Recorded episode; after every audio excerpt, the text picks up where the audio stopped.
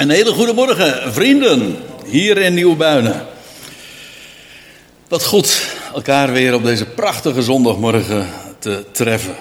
En u hebt mij uh, weer een paar heerlijke uurtjes bezorgd. Ik zei het zojuist nog tegen Bert. Ik vind het heerlijk. Het, zou niet elke week moeten gebeuren om uh, 2,5 uur te reizen naar de plaats waar ik de spreekbeurt mag uh, houden. Maar zo een paar keer per jaar vind ik het geweldig. In alle rust vanuit het midden uh, midden van het westen van Nederland. Katwijk om precies te zijn. Dan zo het land te doorkruisen naar no het noordoosten. En prachtig weer. Mooie natuur. Rustig op de weg. Dus uh, ik heb genoten van de muziek en podcast. ja, je hebt alle tijd. En ook om mij uh, geestelijk mentaal voor te bereiden op uh, wat ik vanmorgen met jullie mag delen. En uh, dat moet niet al te moeilijk zijn, wat ik vanmorgen ga vertellen. Want ik, het onderwerp is het ABC van het evangelie. Nou, we hadden zojuist een lied en dat ging een beetje mis bij het X, Y, Z. maar zover komen we vanmorgen dus niet. En het ABC van het Evangelie, dat is een, denk ik, redelijk treffende typering van het onderwerp en van ook het gedeelte wat we met elkaar gaan bespreken. En dat zijn dan de eerste vier versen van 1 Korinthe 15. Nou, misschien is het goed om eventjes uh, het op, uh, op een rijtje te zetten. De Korinthebrief. Oké, die brief is geschreven door de apostel Paulus, zoals de meesten van u wellicht zullen weten. En dat is vanuit Efeze gebeurd. Dat kunnen we allebei heel mooi traceren. Niet alleen vanuit de gegevens die in de brief worden geleverd. Maar juist ook omdat het zo geweldig correspondeert met de beschrijving die Lucas geeft in het boek Handelingen. En dan kun je het precies ook aanwijzen waar hij deze brief heeft geschreven. Dat wil zeggen in Handelingen 19, vers 22. Dat is het punt waar hij deze brief uh, schreef vanuit die plaats. En uh, dat was dus vanuit wat wij dan noemen Turkije, Klein-Azië. Naar Korinthe, een kilometer of tachtig van, uh, verwijderd van Athene. En in die brief brengt Paulus nogal wat ter sprake. Wij gaan het hebben over de eerste vier versen van 1 Korinthe 15. Maar uh, ik moet erbij zeggen, daar is nogal wat logischerwijs aan vooraf gegaan. 14 hoofdstukken, ja. Uh, en dan begint hij zijn brief nogal plechtig met te zeggen, of zijn brief, dit hoofdstuk, met ik maak jullie bekend broeders, want eigenlijk is het zo dat hij, wat hij nu gaat doen, is het aller, aller, allerbelangrijkste wat hij eigenlijk de Corinthiërs te melden heeft. Feitelijk is het zo dat die hoofdstukken die daaraan voorafgaan, een hele lange aanloop vormen, die Paulus genomen heeft om zijn eigenlijke punt te maken in 1 Korinthe 15. Dat klinkt misschien wat overdreven, maar het is echt zo dat hoofdstuk 15 absoluut de climax is van de brief. En eigenlijk die hoofdstukken die eraan vooraf gaan, ja, dat zijn uh, vaak reacties die de apostel geeft op dingen die hij vernomen heeft over of vanuit Korinthe. Of uh, vanwege vragen die hem bereikt hadden over bijvoorbeeld rechtszaken die, uh, onder, uh, die er onderling waren en hoe ze daarmee moesten dealen. Of over het huwelijk of kwesties van hoererij. er spelen ook hele onverkwikkelijke dingen daar in die Ecclesia. En, Paulus gaat op al die dingen in. En dat doet hij soms met enige tegenzin. Dat zegt hij eigenlijk ook wel met zoveel woorden. Je leest bijvoorbeeld in 1 Korinthe 13, nee, in 1 Korinthe 3, dat hij zegt van ja, ik wilde jullie vaste spijs geven. Daar zouden jullie natuurlijk gesproken ook wel uh, langs, zo langzamerhand aan toe moeten zijn. Maar helaas, dat, kan ik, dat verdragen jullie niet. Uh, ik, ik moet jullie nog melk geven. En jullie liggen nog eigenlijk, jullie zijn baby's en uh, zoals dat gaat, baby's is heel erg leuk, maar het is niet leuk en ook niet zo gezond en normaal als je baby blijft. En uh, ze, ja, wat doen die? Uh, nou eventjes oneerbiedig gezegd, huilen en bevuilen. Maar ze kunnen nog verder niets geven, ze niet zelf nadenken, zelf nog niet staan. En dat soort dingen. En die speelden allemaal in Korinthe. En, en, en, juist ook daarom moet Paulus allerlei dingen bespreken waarvan hij zegt van eigenlijk zou, de, zou dat zo langzamerhand toch voor jullie gesneden koek moeten zijn, om zo te zeggen. Dan, en trouwens, dan is het meteen ook uh, vaste spijs. Hè. Uh, dat wil zeggen, uh, niet langer die, die eerste beginselen van, van, van wat men zou weten. nee, jullie zouden verder gaan in dat wat God voornemens is. Niet, kijk, de dingen die in Korinthe speelden was, was vooral hun eigen problematiek. En dat was soms heftig, moeilijk, emotioneel. En, maar Paulus zegt: Ik wil jullie graag, zo graag spreken over de dingen die er werkelijk toe doen in het leven. En niet over jullie kleine probleempjes, maar over dat plan dat God uh, heeft en voor de Ionen, dat lees je ook trouwens in 1 Korinthe 2, over de wijsheid die hij heeft. En, en hoe hij uh, zijn voornemen door de wereldtijdperken heen tot uitvoer brengt. Ja, dat is zoveel groter.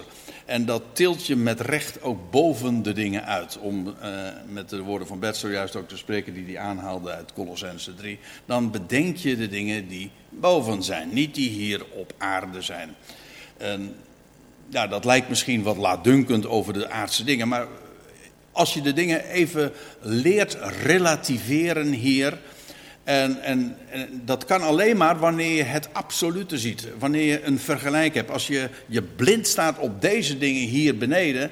Ja, dan, dan, dan kun je niet relativeren. Want dat is het enige wat je ziet. Maar totdat je besef krijgt van, van wat God in zijn woord te melden heeft. En, en wat hem voor hem, als ik het zo mag zeggen, interessant is. Er werkelijk toe doet.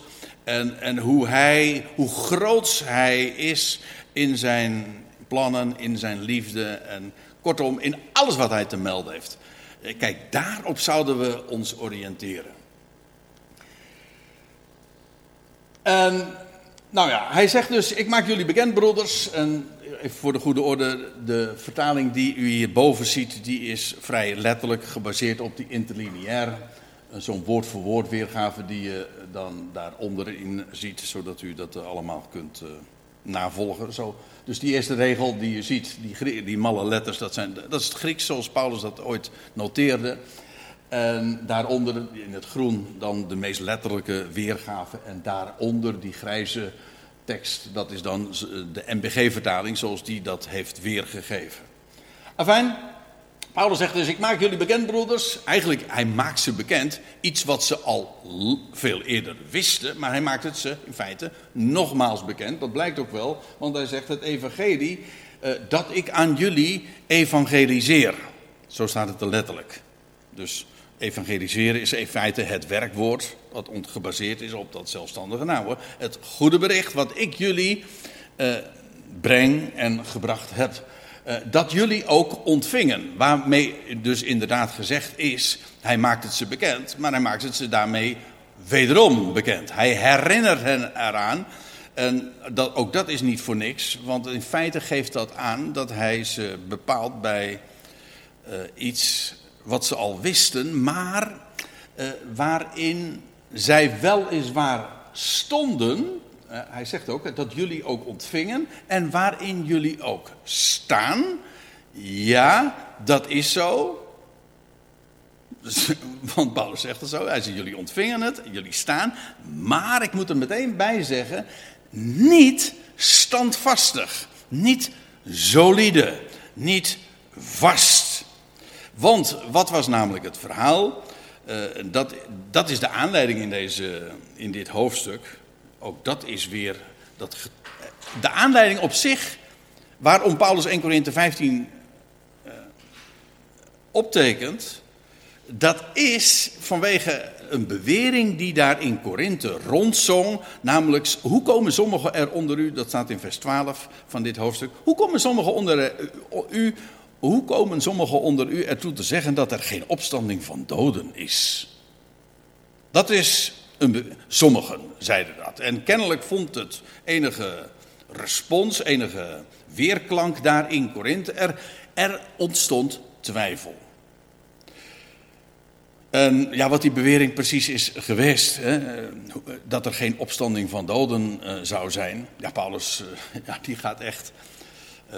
Dat, is, dat vind ik wel mooi. Want in feite was dit de grootste misvatting. Paulus wacht met dit, deze bewering te weerleggen. Niet omdat ze onbelangrijk is, het is het allerbelangrijkste. Maar hij gebruikt het als aanleiding, als springplank. om het aller, allerbelangrijkste, nou eens een keertje heel groots, wijds en heerlijk diepgaand en hoogstaand, en hoe je het ook maar zeggen wil, uiteen te zetten. Dat is geweldig. Hij, grijpt het aan als aanleiding. Ja, uh, wat, wat daar beweerd werd, wellicht had het te maken met de Griekse filosofie van de onsterfelijke ziel. Men ontkende niet, die sommigen daar, dat Jezus leeft. Of dat hij leefde. Dat staat er ook niet. Maar ze ontkenden opstanding van doden. En Paulus zegt van ja, als er dus geen opstanding van doden is, dan is dus ook Christus niet opgewekt. Hm?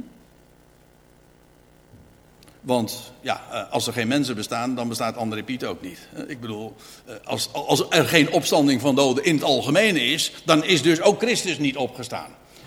En, maar ze Paulus zegt, ja, als Christus niet is opgestaan, waar hebben we het dan over? Dan is jullie geloof en ons evangelie gewoon leeg. En het is nog erger trouwens, want hij zegt, wij zijn dan ook, dat zegt Paulus, hij trekt het zich ook persoonlijk meteen ook aan. Hij zegt, want dan ben ik ook een leugenaar. Ik, terwijl ik een getuige ben, een ooggetuige. Kortom, uh, ja, die bewering was zo kwalijk. Maar Paulus gebruikt het dus als aanleiding om inderdaad uh, het ABC weer eens goed neer te zetten. Paulus zegt, jullie uh, staan daar wel in, maar niet standvastig. Hoe weet ik dat? Wel, aan het einde van dit hoofdstuk, dit lange hoofdstuk, het 58ste vers, sluit dan af met deze woorden. Zo dan, mijn broeders, en dit is de letterlijke weergave. Zo dan, mijn broeders, geliefden, word standvastig. Dus in de meeste vertalingen staat wees standvastig, maar het is letterlijk word standvastig. Waarmee gezegd is, jullie staan misschien wel, dat is ook zo, maar niet vast. Jullie worden gemakkelijk heen en weer bewogen. In dit geval, uh, nu jullie staan in dat evangelie, wat jullie hebben ontvangen.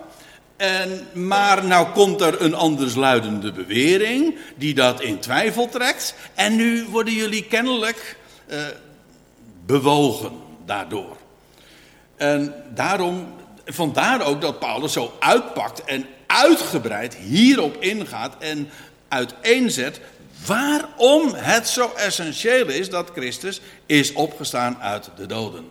Als eersteling en als garantie voor, ja, dat, voor, voor dat wat God voornemens is, namelijk om de dood compleet te, te doen, uiteindelijk. Vandaar ook dat hij dus zegt van zo dan mijn broeders, dat is dan zoals hij zijn betoog afsluit. Word standvastig, onverzettelijk. Altijd overvloedig in het werk van de Heer. Dat wil zeggen niet het werk voor de Heer, maar het werk van de Heer. Dat wil zeggen dat de Heer overvloedig zijn werk in en door en voor ons kan doen. Dat is zijn werk.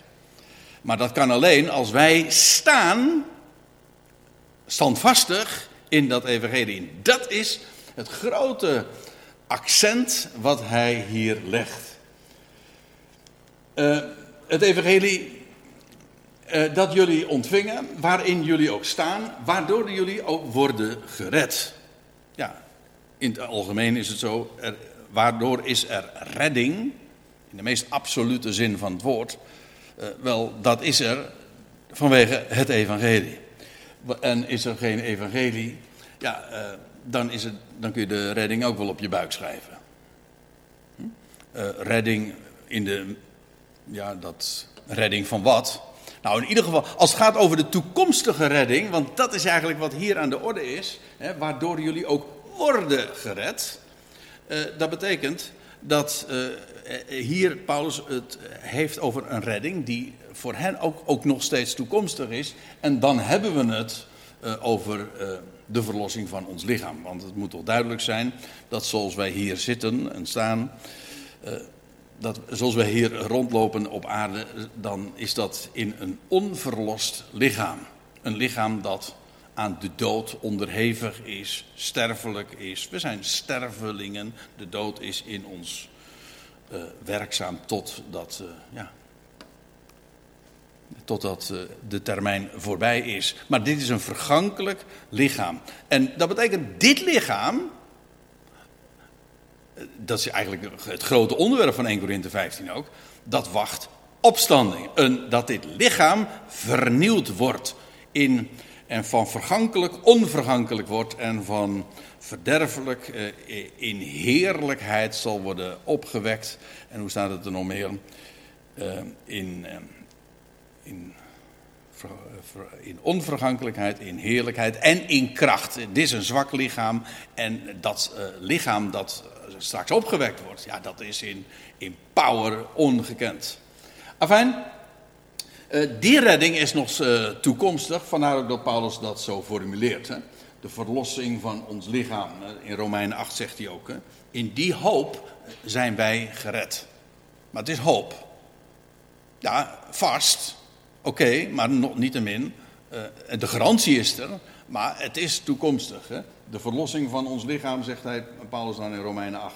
En in die hoop worden wij, of werden wij gered. Hoop echter die gezien wordt, is geen hoop. Dat lijkt me eh, duidelijk. Het is toekomst, muziek. Maar uh, oké, dat is dus de redding waar hij het over heeft. Indien jullie het woord uh, waarmee ik evangeliseerde vasthouden. Dat is waar Paulus voortdurend de nadruk op legt. Uh, namelijk het feit, ja, jullie ontvingen dat, maar blijf daar ook in staan. Om staande te blijven. Ga maar eens, uh, dat is een, een studie op zich. Maar ga de brieven maar eens na hoe telkens weer de nadruk daarop gelegd wordt. Het idee is dan niet dat we verder komen. In, dat is ook een manier om er tegenaan te kijken. Maar het idee is juist dat je daar, daar waar je begonnen bent, ook blijft. In die, zoals laat ik, een, ik duidelijke metafoor daarvoor gebruiken. Zoals een huis gebouwd is op een fundament. Ja, en op dat fundament moet het blijven staan. En of een ander eh, beeld, zoals een boom geworteld is in de grond. Die blijft staan, oké, die groeit, er is ontwikkeling weliswaar, maar het is in de grond en, dat, en, en daarin zou het geworteld worden en vast komen te staan. En dat is waar Paulus voortdurend de nadruk op, op, op uh, legt in, in deze brief, maar ook elders. Ja, want uh, indien jullie het woord waarmee ik evangeliseerde vasthouden. Want waarom? Ja, hoop, leven, kracht, alles wat er werkelijk toe doet en wat God gegeven heeft, dat is in het woord wat hij spreekt en wat hij heeft laten vastleggen in de schriften en wat Paulus heeft geëvangeliseerd. Dat zouden ze vasthouden. Uh, hij zegt er dan nog bij, en dat, daarin klinkt trouwens heel sterk de ernst door waarmee hij deze dingen naar voren brengt. Hij zegt, tenzij jullie simuleren te geloven. Nou, ik weet haast wel zeker, die, dat is niet het woordgebruik die u, in uw Bijbeltje ziet. Uh, er staat in de meeste. In de MBG-vertaling staat. Tenzij jullie te vergeefs geloven. Uh, er staat in het Grieks het woordje eike. En dat heeft nog te maken met ons woordje icoon. Of icon, een Engelse. En dat, heeft, en dat is een beeld. Hè? Een icoon is een beeld. En het idee is dan. Vandaar ook dat sommige vertalingen zeggen. Tenzij jullie voor de schijn geloven. In de, uh, in de interlineair wordt dat ook zo weergegeven. Hè? Voor de schijn, dat wil zeggen voor het beeld. Uh, maar niet echt. En, dan is het, en als het niet echt is, dan is het dus te vergeefs. Dus uh, ik, ik, ik, bedoel, het is ook niet, het is geen kritiek op de, welke vertaling dan ook. Maar om het idee te krijgen van waar het over gaat, is. Simuleren wil zeggen, dan lijkt, als je iets simuleert, dan, dan lijkt het echt, maar het is het niet. En dat is waar het over gaat. Veel eerder in deze brief, in 1 Corinthië 10, had hij al uh, naar voren gebracht van ja, uh, het loutere feit dat je ooit uh, begonnen bent, goed begonnen bent, dat is geen garantie dat je ook zo eindigt. Want hij, 1 Corinthië 10 zegt hij van. Hij zegt: Ik maak u bekend, broeders, dat allen ooit uit Egypte gingen. Ze, werden, ze aten allemaal van hetzelfde geestelijke voedsel, dezelfde geestelijke drank. En allen waren, eh, gingen achter Mozes aan. Allen waren gedoopt in de wolk en in de zee. Nou ja, die termen. Hij zegt, en toch heeft God in het merendeel van hen geen uh, behagen gehad. En dat is eigenlijk een eufemisme hoor, want als ik zeg in het merendeel, gewoon eigenlijk in niemand. Twee uitgezonden. Er zijn er maar twee aangekomen in het beloofde land. De rest is omgekomen in de woestijn. Is God dan niet hun redder? Ja, natuurlijk, hij is de redder van allen.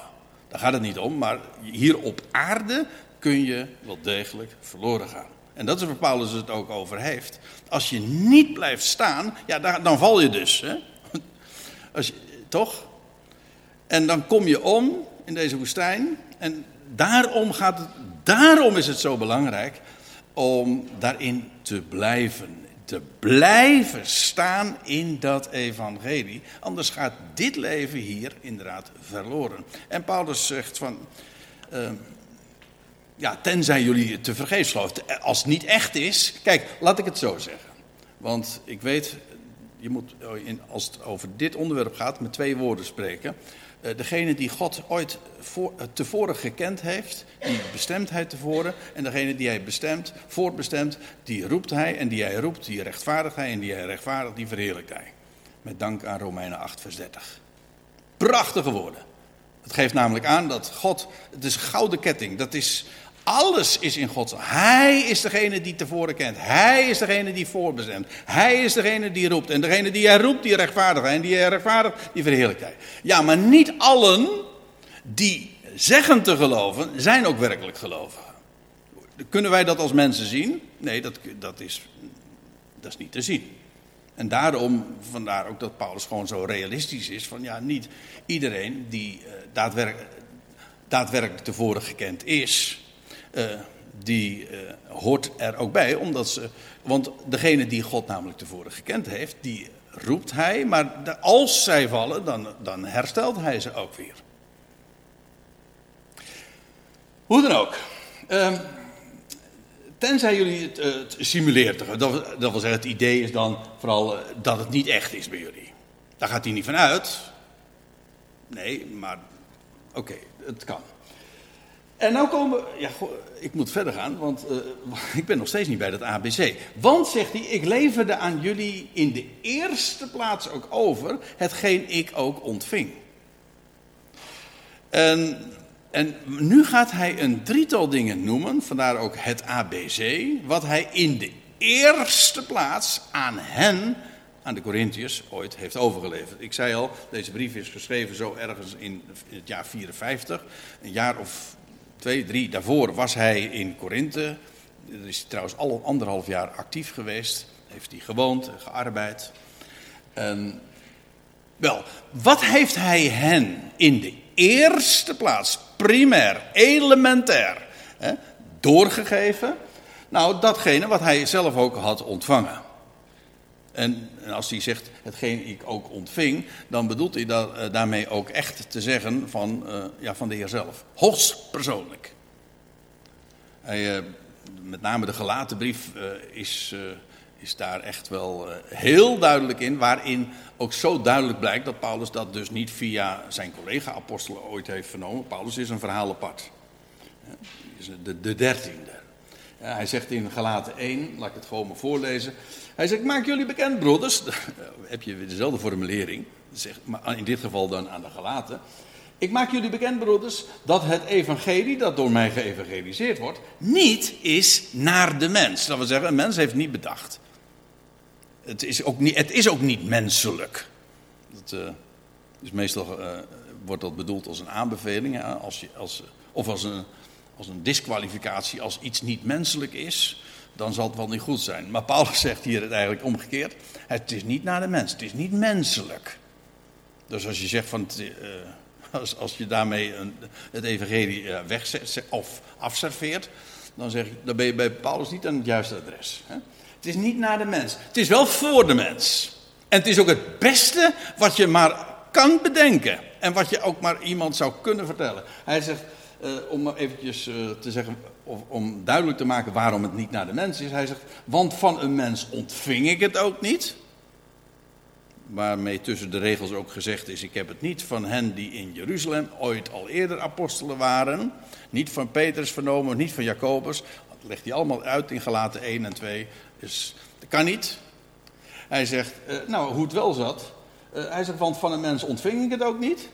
Uh, nog werd het mij onderwezen, maar door onthulling van Jezus Christus. Want het is Jezus Christus niet alleen maar die hem ooit riep op de weg naar Damascus, maar hem ook heeft onderwezen. Later. Want de Heer had al gezegd van, uh, I'll be back soon, hè, om zo te zeggen. En, uh, ook dat Paulus, nadat hij geroepen is, is hij eerst naar Arabië gegaan en daar heeft hij de hele tijd in de woestijn geweest. En ja, en de Heer heeft zich geopenbaard in Arabië. Had hij al veel eerder een keer gedaan. Maar goed, uh, ik, ik, bedoel dit te zeggen. Als, hij, als Paulus zegt van, ik heb het van, ik heb het ontvangen, dat wat ik jullie heb doorgegeven, dat heb ik zelf ontvangen, dan bedoelt hij daarmee ook inderdaad, ik heb het niet van een mens, het is de Heer hoogstpersoonlijk die het mij geopenbaard heeft en bovendien ook onderwezen heeft. Dus ja, uh, uh, hoe, hoe direct en hoe hoog uh, wil je het hebben? Ik leverde aan jullie over in de eerste plaats degene die ik ook ontving. En nou komt het. En dat is, is het. Ik zei al, hij gaat nu drie dingen noemen. Eigenlijk, en het, eh, de clue is het laatste. En de eerste twee is een aanloop naar het laatste. Het gaat er namelijk in 1 Korinthe over, 1 Korinthe 15 over, dat Christus is opgewekt uit de doden. Dat is de prediking. Paulus zegt ook in, uh, uh, in ditzelfde hoofdstuk van, uh, zonder als Christus niet is opgewekt, zonder inhoud of ijdel of leeg, is onze prediking. En leeg is ons evangelie. Dat is, de, dat is de negatieve formulering. Je kan het ook positief zeggen. Wat is dus de inhoud van het evangelie of van de prediking? Nou, dat Christus is opgewekt uit de doden. Toch? Dat is de clue. Dat. Oh. Ja, daar is hij. En toen werd het duister.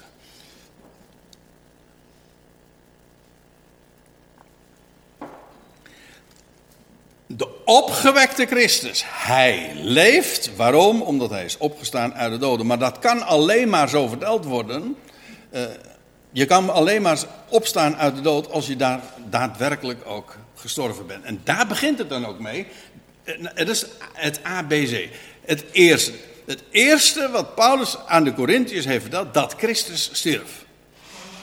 Dus trouwens op zich al uh, een, uh, een eye-opener hoor. Want het geeft namelijk aan dat Paulus' evangelie daar in Korinthe en elders want wat hij in Korinthe verteld heeft, is, wijkt niet af van wat hij elders verteld heeft. Hooguit de manier waarop. Maar de in, inhoud is exact hetzelfde. Hij vertelde namelijk datgene wat hem, eh, hemzelf uh, is, uh, wat de Heer hem hoogstpersoonlijk heeft doen toekomen. Maar Paulus' evangelie begon waar Matthäus en Marcus en Lucas en Johannes eindigen. Namelijk met de dood van Christus. Hij stierf en werd begraven en hij werd opgewekt. Ja, maar dat is, die dat is het slot van de evangeliebeschrijvingen die we in Matthäus en Marcus en Lucas en Johannes aantreffen, toch? al die hoofdstukken die daar, al die hoofdstukken over de, over de geboorte van de Heer Jezus en over zijn jeugd, nou ja, dat is minimaal overigens, maar uh, vooral over zijn bediening hier op aarde, wat hij gedaan heeft gedurende die ruim drie jaren dat hij hier gewandeld heeft en onderwezen. Paulus ik zeg niet dat, het, uh, dat Paulus daar nooit over heeft gesproken, jawel, wel degelijk, maar niet in de eerste plaats. In de eerste plaats heeft hij gesproken, het eerste waar hij mee kwam, was dat Christus stierf. Dus niet het leven van Jezus, wat voor een heleboel christenen zeggen, dat is dat ontstellend. Ze zeggen, hè, dat is toch het evangelie? Nee. Het, eer het evangelie begint bij Christus stierf. bij een gestorven Christus. Of een stervende Christus. Dat Christus stierf. Ja, en er staat er nog bij trouwens. Ten behoeve van onze zonde. Nou ga ik iets uh, zeggen wat. Uh, wat voor sommigen misschien wat schokkend is. Uh, maar er staat hier niet. Nou ja, dat hoeft op zich niet schokkend te zijn, want dat is gewoon een vaststelling. Er staat hier niet om de straf op de zonde te dragen. Staat er niet. Het wordt altijd zo wel uh, gelezen, maar dat is in feite ja, de, theologie waar we van jongs af aan misschien mee groot geworden zijn en die zo dominant is. Hè, Christus kwam en hij stierf. Waarom? Wel, uh, hij heeft, wij hadden schuld en, en Christus heeft de schuld betaald. of hij, wij, wij zouden gestraft moeten worden en in plaats van dat wij gestraft werden, of zouden worden, uh, heeft hij de straf op zich plaatsvervangend genomen. Dat idee. Ik moet erbij zeggen dat uh, Christus de straf droeg. We hebben het zelfs trouwens net al gezegd. Is bijbels, hij droeg de straf, maar niet de straf van God. Hij, er staat hier niet dat hij de straf van de straf die God eh, van God heeft gedragen voor onze zonde. Dat staat er niet. Het is een onderwerp op zich, dus ik ga het nu niet eh, uitgebreid eh, bespreken. Helemaal niet zelfs. Maar ik wil het wel graag even aanstippen. Hij stierf, jawel, ten behoeve van onze zonde. Maar ja, waarom? Wel, ook dit sluit weer precies aan bij het hele grote thema van dit hoofdstuk. Namelijk, Christus stierf om op te kunnen staan. Het is nogal. Het is, als je het eenmaal uh, begrijpt, of het, e-, het, kwartje eenmaal gevallen is, is zo, uh, zo logisch, zo, ja, zo, hoe zeggen ze dat in het Engels, zo, zo obvious, zo, zo, het, het dient zich zo uh, vanzelfsprekend aan. Ja, waarom stierf Christus? Wel, als hij niet was gestorven, dan had hij ook dus niet kunnen opstaan. Maar dat is nu juist het hele evangelie. En in, dat, in zijn opstanding, ja, dan, is, dan, dan geeft, dan, daarin geeft God een nieuw leven waarin de zonde, en trouwens de vergankelijkheid en de dood en alles van het oude, verleden tijd is. Dus in zijn opstanding openbaart hij of onthult hij of geeft hij nieuw leven en daarin is zijn de zonden voorbij en verleden tijd. Dus hij stierf inderdaad ten behoeve van onze zonde. Maar dat ziet al vooruit, want er staat, je leest in, eh, in, in ditzelfde hoofdstuk in vers 17, dat als Christus niet zou zijn opgewekt, dan zouden wij nog in onze zonde zijn. Daarin zie je dat hij stierf, ja, om op te kunnen staan en in zijn opstanding en in dat nieuwe leven dat hij als eersteling aan het licht bracht, ja, daarin zijn de zonde verleden tijd en voorbij. En er staat er nog bij dat Christus stierf ten behoeve van onze zonde naar de schrift. Dit is het eerste wat Paulus heeft verteld is, dit moesten ze in ieder geval weten. En dan, hij zegt er dan nog bij, naar de schriften. Want uh, ga maar na, overal waar de apostel komt, en dat geldt trouwens niet alleen voor Paulus, maar van hem weten we het in het bijzonder. Maar dat geldt ook voor Jacobus en Petrus, eh, met name van Petrus weten we dat. Namelijk dat hij de, de schriften heeft geopend. Maar Paulus ook. Kijk het maar na het in Antiochië is, of in Thessalonica, of in Korinthe, dan lees je dat hij vanuit de schriften documenteert, bewijst, hij die is aangekondigd en die is verwacht, die werd verwacht gedurende honderden, gedurende duizenden jaren. Hij is aangekondigd vanaf den beginnen en degene die nu, die ik jullie predik, wel, hij beantwoordt geheel, om zo te zeggen, aan het profiel wat de schriften geven. En Paulus bewijst. Het is maar geen verhaal, of een mooi verhaal, of een moralistisch verhaal, of een filosofie. Hij vertelt feiten. En hij documenteert. Hij zegt van het staat er maar. Kijk, hier staat er. En dat de Christus zou komen. Maar ook hoe hij zou komen en waar hij en waar hij zou komen en, en hoe hij, zijn optreden zou zijn, maar ook hoe zijn sterven zou zijn. En dat hij zelf zou sterven aan een kruis. Zelfs dat vind je in de Bijbel. En wanneer trouwens ook nog. Je leest in, handelingen, of in uh, Psalm 22 over die mijn handen en voeten doorboren. Dat is heel eigenaardig, maar dat, dat, zijn woorden, dat zijn profetische woorden van David. Maar die gaan over de zoon van David, gaan over zijn sterven. En nou ja, uh, er zijn zoveel uh, schriftplaatsen die, uh, die we in het Nieuwe Testament trouwens ook worden aangedragen, waarin telkens wordt benadrukt en bewezen hij, Jezus Christus, hij is de beloofde Messias. Ook al beantwoordde hij niet aan de verwachtingen die uh, de Joden hadden, de orthodoxie, want ja. Maar niettemin, het was wel de schrift. Naar de schriften. En uh, eigenlijk de mooiste uitleg die we daar misschien wel van hebben, is die uh, de Heer Jezus zelf ooit heeft gegeven op de dag van zijn opstanding. Toen hij me, uh, zich aansloot bij die twee mensen die op weg gingen naar Emmaus. En die dan ook vertwijfeld zijn en zeggen van wij hadden gehoopt dat hij het was die Israël zou verlossen. Maar bij dit alles is het reeds de derde dag, zeggen ze dan met een beteuterd gezicht. En dan, dan zegt hij, vreemdeling die incognito zich aangesloten had. O onverstandige en dwaze van hart. Dat jullie niet geloven. Alles wat de, schrift, wat de profeten hebben gesproken. Moest de Christus niet lijden om al zo in zijn heerlijkheid in te gaan? En dan staat er van, en hij begon bij Mozes. En, en de geschriften, en hoe staat het er precies? En al de profeten. Dat de Christus moest sterven. En dat het allemaal moest gebeuren, omdat het precies dat was wat tevoren was gesproken. En we, we zongen eerder al uh, het lied, dat was het eerste lied. Groot is uw trouw. Ja, God is betrouwbaar.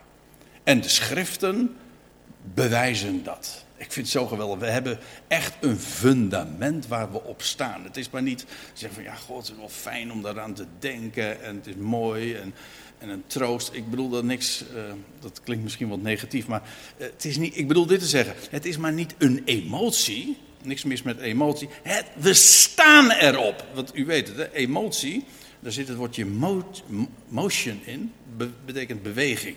Maar het geweldige van het evangelie is nu juist dat het niet beweegt. Maar dat, dat je erop kunt staan. Dat het werkelijk een rots is waar je werkelijk op kunt staan en op kunt bouwen. Dat is het geweldige. En dat betekent dus, uh, dat geeft, en dat geeft heel veel rust, hè, toch? Uh, iets wat, uh, we waren een paar weken geleden, toen gingen wij, ik met, samen met mijn vrouw, waren we door vrienden uitgenodigd om te gaan varen. En na een paar uur mijn vrouw toch een partij misselijk, zeg. En, want ja, toen kwamen we even aan wal en alles, alles stolde en alles draaide. Nou ja, mensen die va vaarervaring hebben, hebben die weten waar ik het over heb. Maar ja, ik bedoel dan, als je dan op zo'n, uh, op de golven, dat viel trouwens reuze mee hoor, maar in ieder geval, ja, als je er erg gevoelig voor bent, dan, dan krijg je van die, van die zeebenen en dan, dan dat is ook precies de reden waarom mensen dan wagenziek worden. Alles beweegt.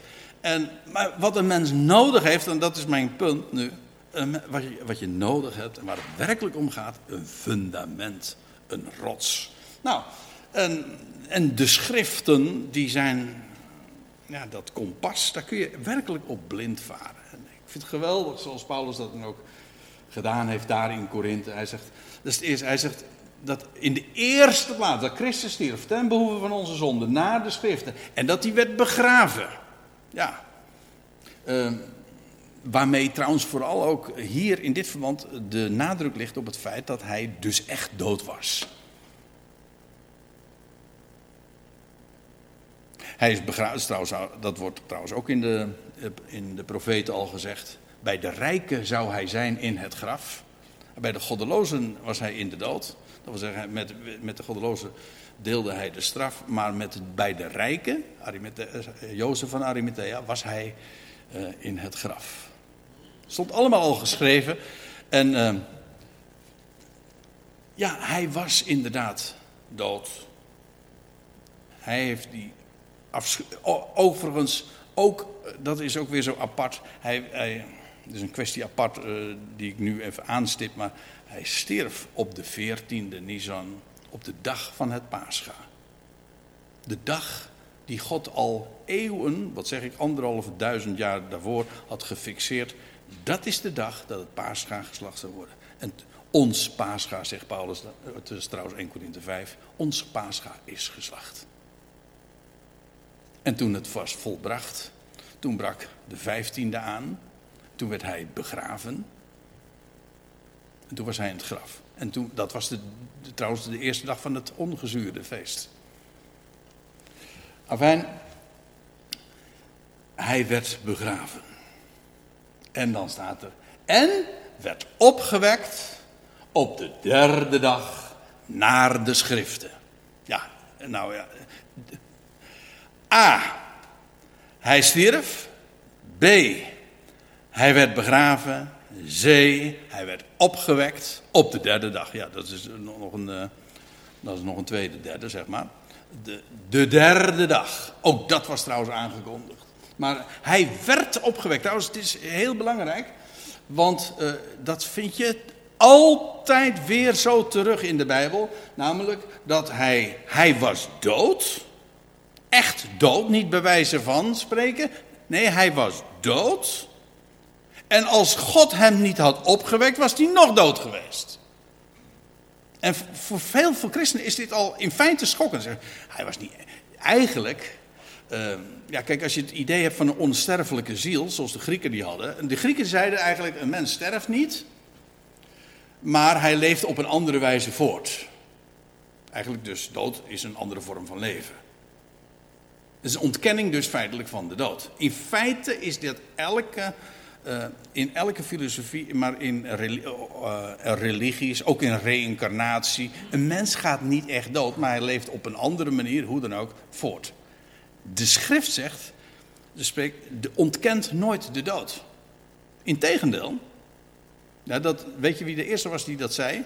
Die twijfels zaaide over de dood.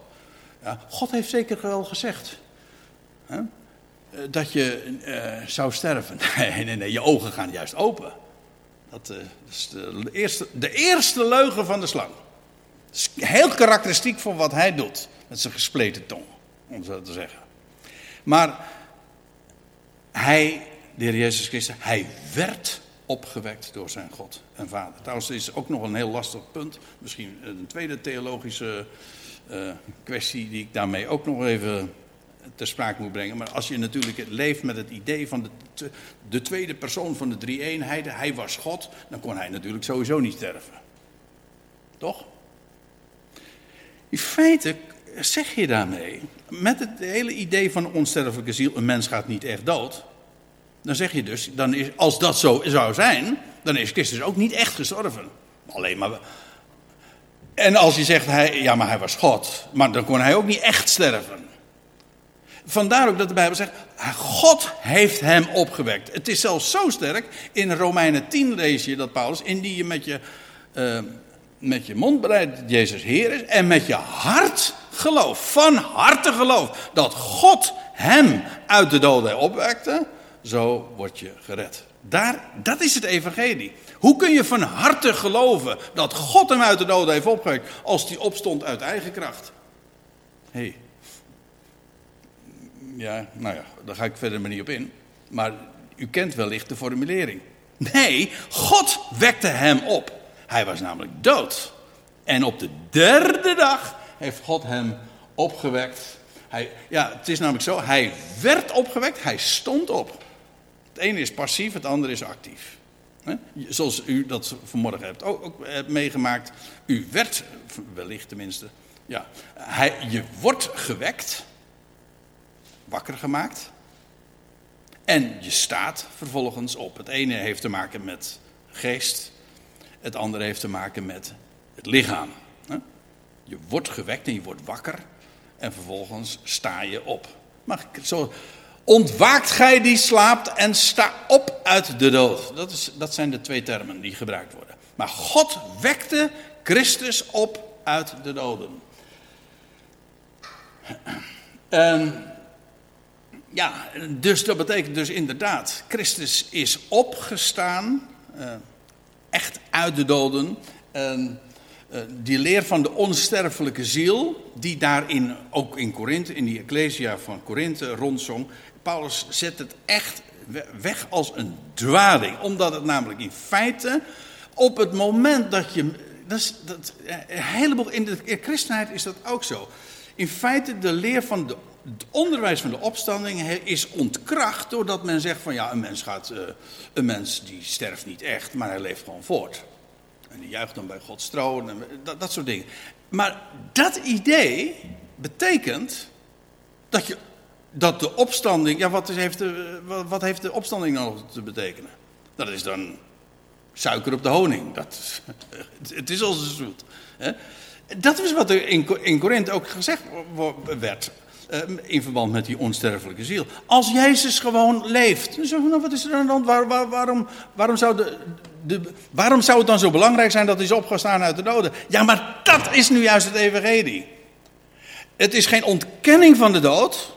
De dood is een realiteit. Het is zelfs 1 Korinthe 15 zegt het. Het is de laatste vijand die er niet gedaan wordt.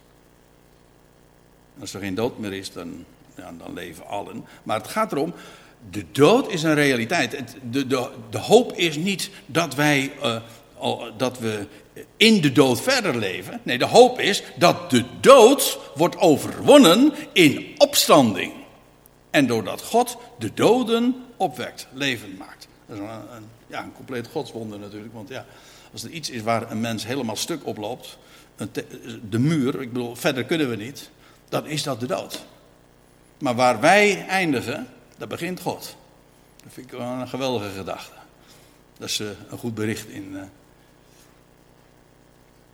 ja, in, de, in de dop.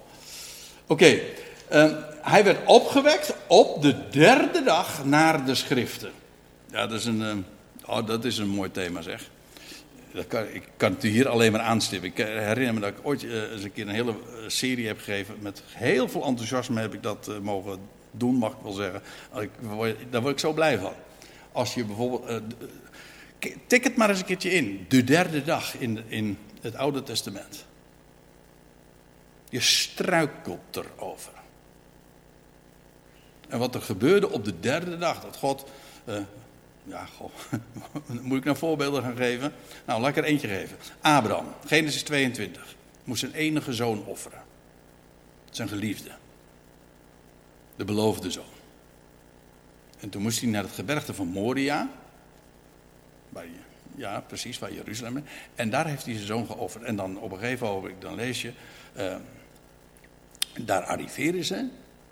En daar wordt hij uh, dan geofferd. En daar, en daar krijgt hij zijn zoon, bij wijze van spreken, zegt later de Hebreeënbriefschrijver, als uit de doden weer terug. En op welke dag was het? Kijk het maar na. Het is oh wat is het, vers 7, 8 of zo, denk ik. Uh, Genesis 22. Op de derde dag waren ze daar uh, in Moria en kreeg Abraham zijn zoon terug uit de doden. Als uit de doden. Op de derde dag. En, zo, en trouwens, uh, als ik zeg van uh, je pakt een concordantie en je zoekt op hoe de derde dag gebruikt wordt. Maar soms uh, is het niet, moet je er echt naar zoeken. Want je hebt bijvoorbeeld een geschiedenis, die, wil ik ook even vertellen. in, je leest in, van, van Dagon dat de ark overwonnen, nee, dat de ark buitgenomen gemaakt wordt door de Filistijnen. De ark ging naar de Filistijnen, ja. En, en, die komt dan, en die wordt dan gezet daar in de tempel van van Dagon. Dat is die Filistijnse god Neptunus, Dagon, dat is eigenlijk de vis. Afijn. Maar in ieder geval, eh, en dan lees je dat eh, de, de, eerste nacht, na de eerste nacht, de eerste, eh, dan lees je dat hij gevallen is, Dagon, voor de ark. En dan wordt hij weer opgetild en wordt hij weer op zijn plek gezet. Maar op de derde dag, zo staat het er niet, maar iedere keer wordt het dan verteld. Eh, uh, wat gebeurde bij de tweede? Help me even. Hè?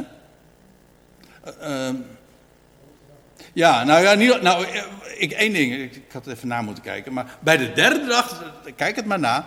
na dan lees je inderdaad, dan was hij uh, onthoofd. Dagon was echt gebroken en onthand, letterlijk.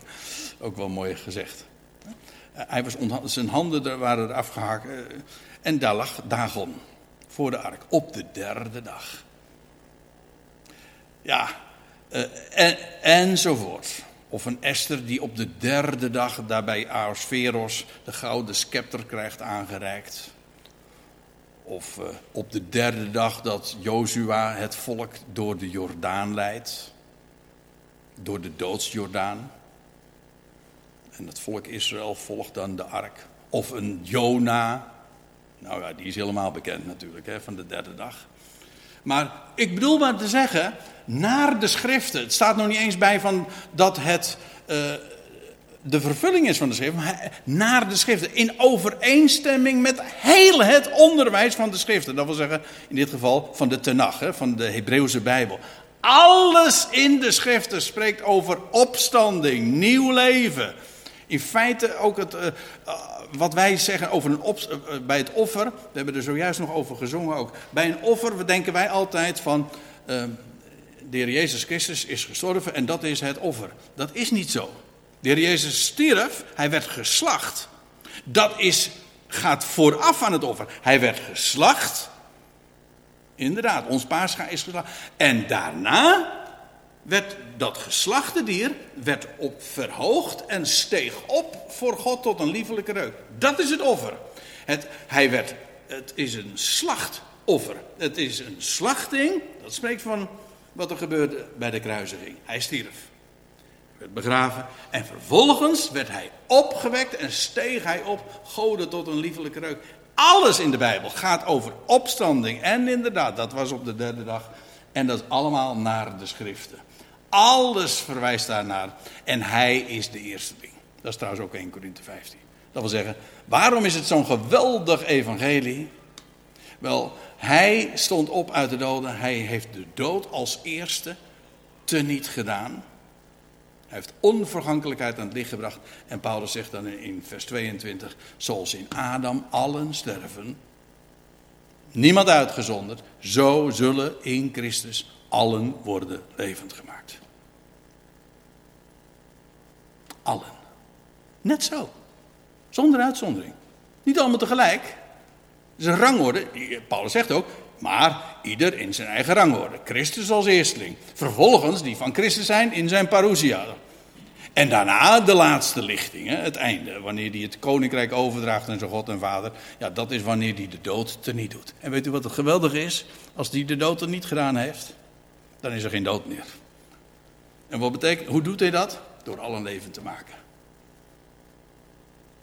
En ja, dan is Gods plan voltooid. Want dan is, en dan wordt hij ook alles in allen. Dat is allemaal 1 Korinthe 15. Geweldig zoals Paulus alle registers opentrekt. En dat allemaal zo in dit hoofdstuk naar voren brengt. Het ABC van het Evangelie. Hoe belangrijk om, het, om daarop te staan. Nou, als ik het even mag samenvatten, want het wordt hoog tijd om een punt te zetten. Want ja, als het ABC al zo lang duurt, hè, dan. Uh, het Evangelie, laat dat duidelijk zijn, is geen filosofie of een morele leer. Hoe wijs het ook is en hoe geweldig krachtig kompas het ook is, maar het evangelie is een goed bericht, een mededeling van historische feiten. Gedocumenteerd, voorzegd in de schriften, in de Hebreeuwse Bijbel en nou, zoals we dat uh, vinden in het geweldige woord. En ja, waar het om gaat in 1 Korinthe 15 vooral, hij is echt gestorven. Hij is begraven. Precies zoals is voorzegd. De juiste tijd, de juiste wijze, precies op de juiste plek ook. En als dat alles zo vervuld is, en ook op de derde dag werd opgewekt, op de dag, hij werd trouwens opgewekt op de dag van de eerstelingsschoof, de dag na de Sabbat. Ja, mensen, dit is zo geweldig. Hij is de eersteling en uh, het is een garantie. Een garantie dat de dood is overwonnen en wordt. Oké, het is nog even wachten, want het is de laatste vijand die er niet gedaan wordt. maar de dood wordt compleet teniet gedaan. Wat een evangelie. Dat we daarin zouden staan en blijven staan. En daar wilde ik het eh, voor vanmorgen graag bij laten. En ik stel voor dat we met elkaar nog afsluiten met een dankgebed. Dan heb ik nog een lied. Misschien kan ik hem alvast even aankondigen. Ik zat zojuist even te denken. Uh, lied